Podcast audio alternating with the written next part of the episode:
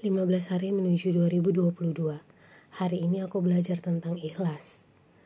Ikhlas adalah kepasrahan, bukan mengalah apalagi menyerah kalah. Ikhlas itu adalah ketika engkau sanggup untuk berlari, mampu untuk melawan dan kuat untuk mengejar, namun engkau lebih memilih untuk patuh dan tunduk.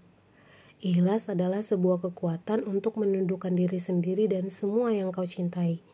Ikhlas adalah memilih jalannya bukan karena engkau terpojok tak punya jalan lain, karena ikhlas bukan lari dari kenyataan.